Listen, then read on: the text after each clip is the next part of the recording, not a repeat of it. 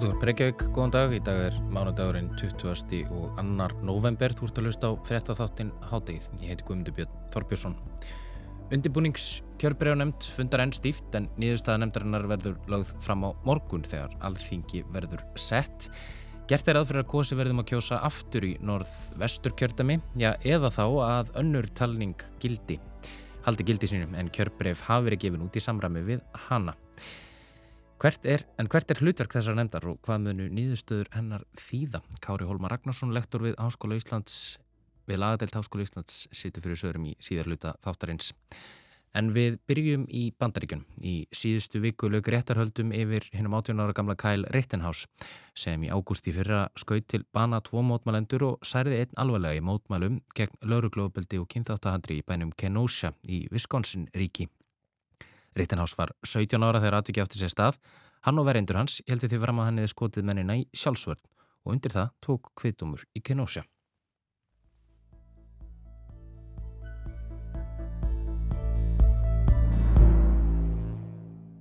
Sumarið 2020 var sumar átaka í bandarísku þjóðlífi. Fossetin Donald Trump hafði á stjórnartíð sinni í kvítahúsinu alið á sundrungu og óeiningu meðal bandrækjumanna. Annarkvort varstu með honum í leiði eða á móti honum.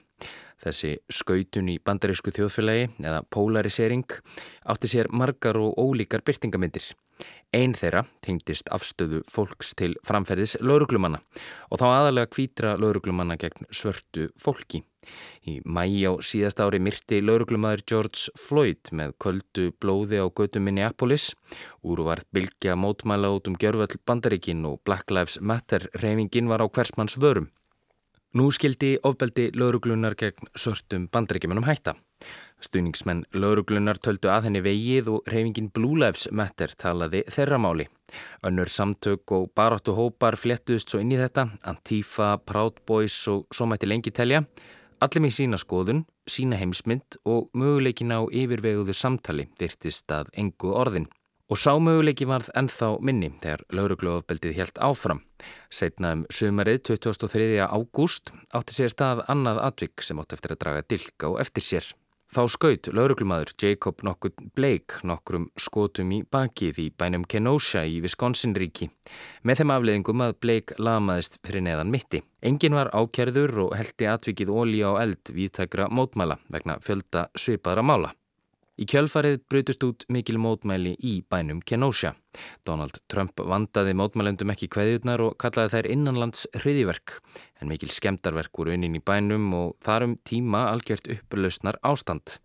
Borgar yfir völd hefðu komið á útgöngubanni sem var virtað vettu í og hópar fólks með ólíka skoðanir tókust á. Öfgamenn til hægri og vinstri á pólitíska ásnum, laurugla og svo almennir borgarar. Til tíðinda dróð tveimur dögum síðar þegar 17 ára úlingur Kyle Rittenhouse var handtekinn grunaður um að hafa skotið tvo mótmælendur í Kenosha til bana. Sá grunur er endist á rökum ristur.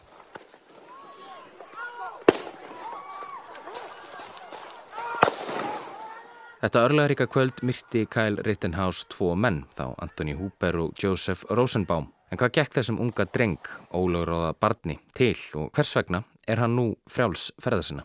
Rittenhouse bjó í bænum Antioquju í Illinois-ríki sem eru um 30 km fjarlæð frá Kenosha, hinu megin ríkismarkanað Wisconsin.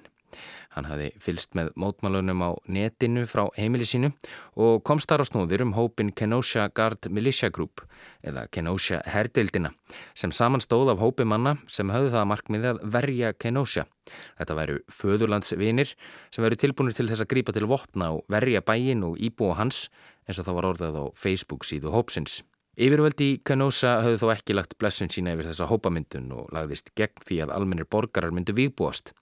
Þrátt fyrir það virtust lauruglumenn í Kenosha kunnað meta hjálpina. Hinn ungi Rittenhouse var yfirlistur stöðnismæður lauruglunar, mikill Blue Lives Matter maður. Hann var því spenntur að láta til sín taka, hjálpa lauruglunni og hjálpa íbúum Kenosha í baróttunni við hennan óláta skríl. Að morgunni 25. ágúst hafðu mótmælinn byrjiðan okkur rólega og verið friðsamleg en þegar leið á daginn fór fólk að ókýrast. Einhverjir borgarna hafðu gripið til vopna og skemdarverk unnin víða í borginni. Þegar Rittenhouse kom til Kenosha fór hann beinustu leið til vinarsins Dominic Black sem nokkru mánuðum áður hafi kipt árásarriffil fyrir Rittenhouse en Rittenhouse var þarna 17 ára og því ekki heimilt að kaupa skotvopn. Vopnaðir heldu þeir út og virtust leita logandi ljósi að einhverju eða einhverjum sem þeir getu liðsind. Þeir reynsuðu vekkjakrót af skóla og stóðu vaktina fyrir utan bílasölu. Rittenhouse leita það sem sitt hlutverk að verja bæin og bæjar búa fyrir árásum og skemdarverkum mótmælanda. Skömmu áður en Rittenhouse myrti tvo menn var hann spörður af bloggara sem stremdi beint frá öllum þessum látum í Kenosha hvað hann væri að geða þarna. People are getting injured and our job is to protect this business and part of my job is also help. If there's somebody hurt, I'm running into harm's way. Fólk er að slasast hérna og það er mitt hlutverk að hjálpa þeim og verja þessi fyrirtæki hérna fyrir aftanmygg, sagði Rittenhouse. Hann sérst að leita á það sem samfélagslega skildu sína að standa vaktina í Kenosha og opnaður hálf sjálfvirkum AR-15 árásarrifli. Fyrirmaðurinn sem Rittenhouse myrti þetta kvöld hétt Joseph Rosenbaum, íbúi í Kenosha. Hópur fólk sagði veist að Rittenhouse og Rosenbaum, sem var ofopnaður, reyndi að taka riffilinn af honum.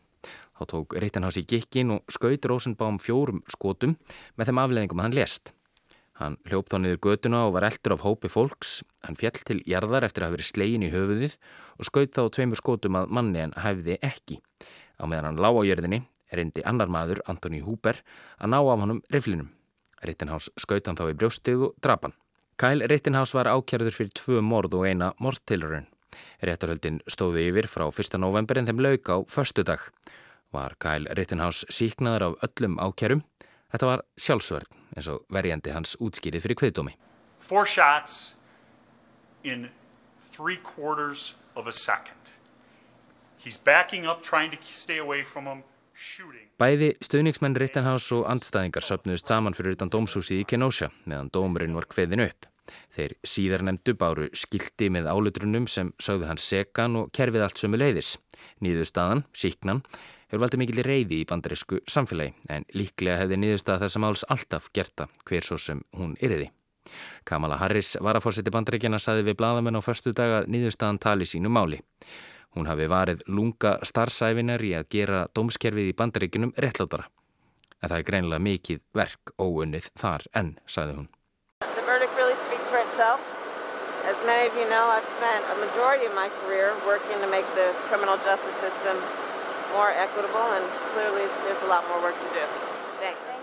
Joe Biden, bandaríkja fósetti, sagði í tilkynningu að hann veri reyður yfir niðurstöðinni.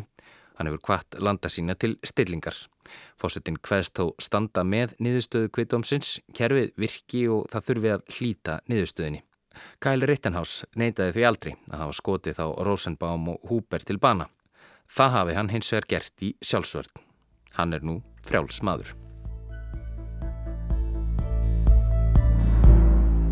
Alþingiskostningar fóru fram 25. september síðastliðin fyrir næri tveimur mánuðum. Alþingi kemur þó ekki saman fyrir en á morgun og ástæðar þess að þekkju við jú flest talningar klúðrið í norð-vestur kjörtami.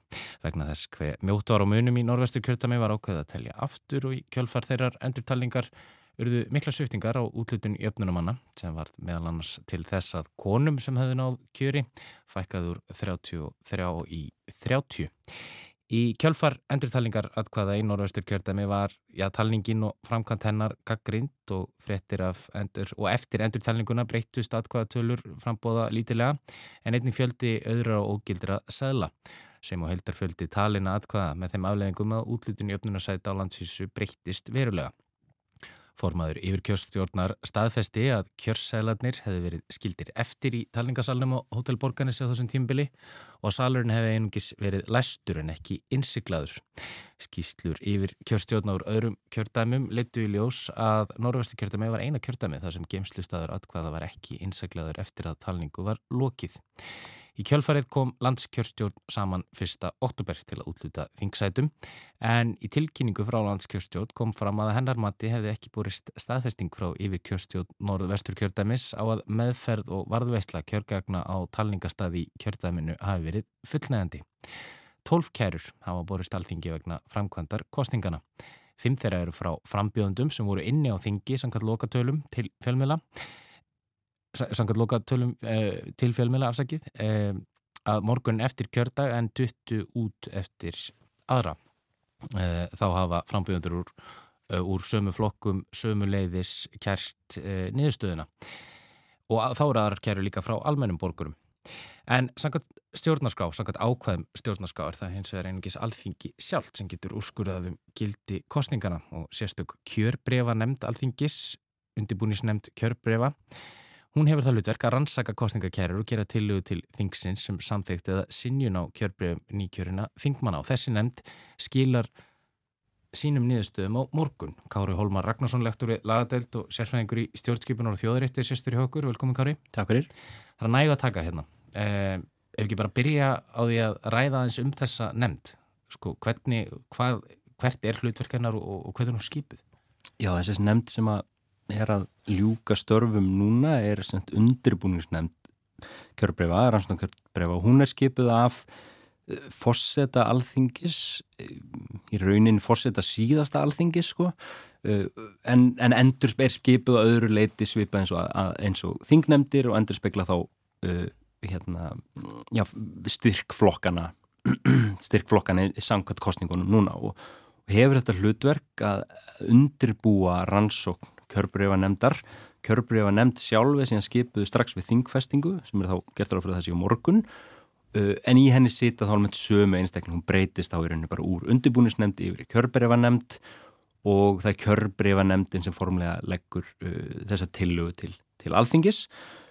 Þetta hefur gert svona í eitthvað tíma, lengri tíma held ég, en uh, reynda voru bara sett ákveð í laugin um, að, um þessa undirbúnisnefnd núna í sömar. Þannig hún hefur þetta byggst á á venju en mjög gott að hafa þetta akkurat núna, þetta árið var akkurat mjög gott að hafa þetta í lögunum mm -hmm. um, og síðan er þá kjörbrífanemdi sem að leggur það fyrir alþingi og, og alþingi sjálft tekur uh, í rauninni bara kýs um, um hver niðurstæðin er að vera hvort ekki að staðfesta þá þessi kjörbríf sem að voru gefin út á landskjörstjóðni grund, á grundulli það sem við kallum stundum setnið talningar í, í norðvestu kjörðumi. Mm -hmm. Þetta fyrirkomulega, að, sko ég rauninni þessi þingmenn sjálfur sem sé að rannsaka eh, og, og leggja fram tilur um, um kærur er varða í að þeirra kjörgengi.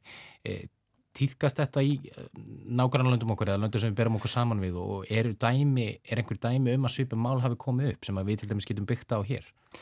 Já, þetta er fyrirkomulega sem að, og þá, eh, hérna, skulum ekki draga úr því, þetta er fyrirkomulag sem var eh, sko svo sannlega besta framkvæmt á sínum tíma, þetta er fyrirkomulag sem kemur út úr já, frönsku byltingunni og, og byltingunni í bandaríkunum að þar sem að þetta þótti leiðin til þess að tryggja sjálfstæði þingsins gagvart konungi eða gagvart framkvæmdavaldinu að það væri, sjálf, það væri sjálfur löggefin sem úrskurðaði um, um hérna, kostningar en það var ekki einhverju aðrir að vasast í því og svoleiðis er það gert en þá í, í, í þessum löndum, í Breitland og í hérna, bandaríkunum uh, og það er til dæmis þetta það sem var í gangi 7. janúar síðastliðin þegar var gert, áhlaup á, á bandaríska þingið, það var að, að, einmitt, að þingi var að úrskurða um kjörbref og hérna óerðar uh, í þessum stóðu þeim óerðum var að reyna, reyna að stöða það ferli það er svona okkur að minna sig á það og þetta fyrirkomari líka í, í gildi í Danmörku, í Noregi, í Belgíu, uh, svo einhverjuleitt í Hollandi, Svíþjóð og Ítalíu og Luxemburg. Í flestum öðrum Európaríkjum hefur fyrirkomlega þróast út í það að e, þessar kostningakærur fara til stjórnlaga domstóla þeirra ríkja sem er náttúrulega kerfið sem við höfum ekki hér en e, svona, hérna, það er algengasta framkvæmdinn í Evrópu en, en það eru þessi ríki sem eru, eru áfram með þetta eldra fyrirkomuna og þetta vitum við allt saman sérstaklega vel vegna þess að e, það kom einmitt upp mál sem fór til Marrættindadómstóls Evrópu í Strasburg og var leist úr í dómi þess dómstóls árið 2020 e, gegn Belgíu. Það sem að einmitt var e, þingið leisti úr kostningakæru með þessu fyrirkomulegi sem er talsvett svipa því sem við höfum hér og mannættadómsdóttin taldi að eh, slíkt, að, að málsmeðferðin þar stæðist ekki kröður sáttmálans. Einmitt.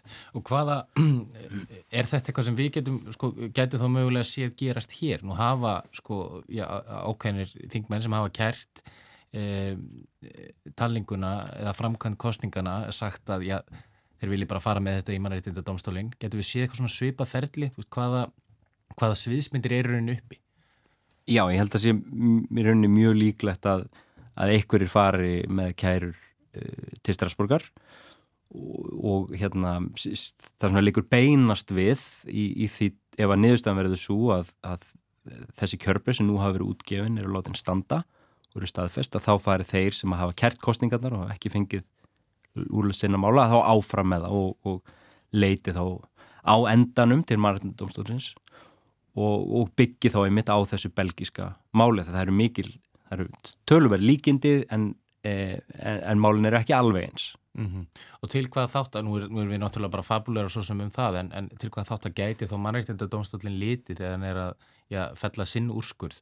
Uh, þú talaði um hérna áðan fyrir útsendingu að það væri kannski litið stundu til hefða þessara líraðisríkja Er það eitthvað sem skiptir mála að þetta sé þrátt fyrir allt gott fyrirkomulag? Já, þetta var það sem að eh, Danmörk sérstaklega reynda að byggja á í þessu, þessu letu sem málið gegn Belgíu varða og, og, og í söðu við mannættinadómstólinn Já, við erum að horfa til þess að þetta eru stöndu líðræðisríki og hér er ekkert hérna, ekkert misjamt í pókahorninu og, og allt gengur hér vel og, líta til þeirra hefða og mannættinadómstólinn eiginlega blés á þessar rauksendir og sagði að þetta skipt engumáli að hér þurfti eitt yfir alla að ganga og að þetta fyrirkomulag þar sem að þingmenn er raunni, að, já, dómar er í einn sög, þú veist ekki dómarar, að hérna það væri í raunni tölvöld erfitt í framkvæmt vegna þess að, að það væri erfitt að tryggja þessa, þessi sjálfstæðu og þessi óvilhöllu úrskurðaraðila sem við viljum hafa á þessu sviði e, þegar fyrirkomulega er svo leiðist, þegar þingmenn er að taka ákvarðinu sjálfur.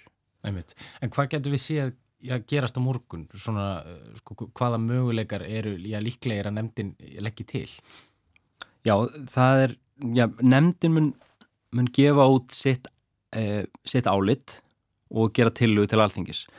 Eh, það gæti verið að, að nefndin verð ekki, e, standa ekki öll saman að álitinu og þá er hugsanlega að komið tvær tillugur, eða jæfnvel fleiri reyndar en, en örgulega tvær út úr nefndinni og þá væri það þingsins í heild að þá taka afstöðið þeirra og þá er það bara atkvæðan magt sem, sem að gildir og það er hérna, mann heyrist af fréttaflutningi að það sem að sé líklegast og sé ennþá til skoðunar inn í nefndinni sé þá annarkort að láta þessi kjörbreyf standa og staðfesta kjörbreyfum sem að út hafa verið gefin eða þá að, að lagsi til að þessi uppkostning í norð-vestur kjördæmi mm -hmm. og það þýðir bara að það er kosið aftur en bara í því kjördæmi mm -hmm. og það gerist innan mánar mm -hmm. En það er, það sem kannski verðt að veltaði fyrir sér að já, þeir þingmenn sem muni þá kjósa um þetta, þeir eru náttúrulega að kjósa já, um sína framtíð, svolítið, allavega þingmennir í norðvestu kjörðami. Já, alveg öruglega þingmennir í norðvestu kjörðami og uh, leti líka þessir jöfnur og þingmenn og sérstaklega jöfnur og þingmennir sem lendi þessari ringegju.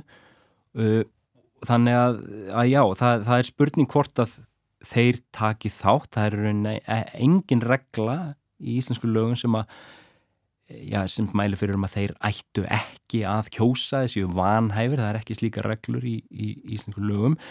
Þeir finnst að gætu ákveðið að til og með sita hjá eða taka ekki þátti meðferð málsins eða eitthvað slíkt bara upp á eigin fröngpá það myndi að vissu leiti mínum að þið bæta málsmeðferðina.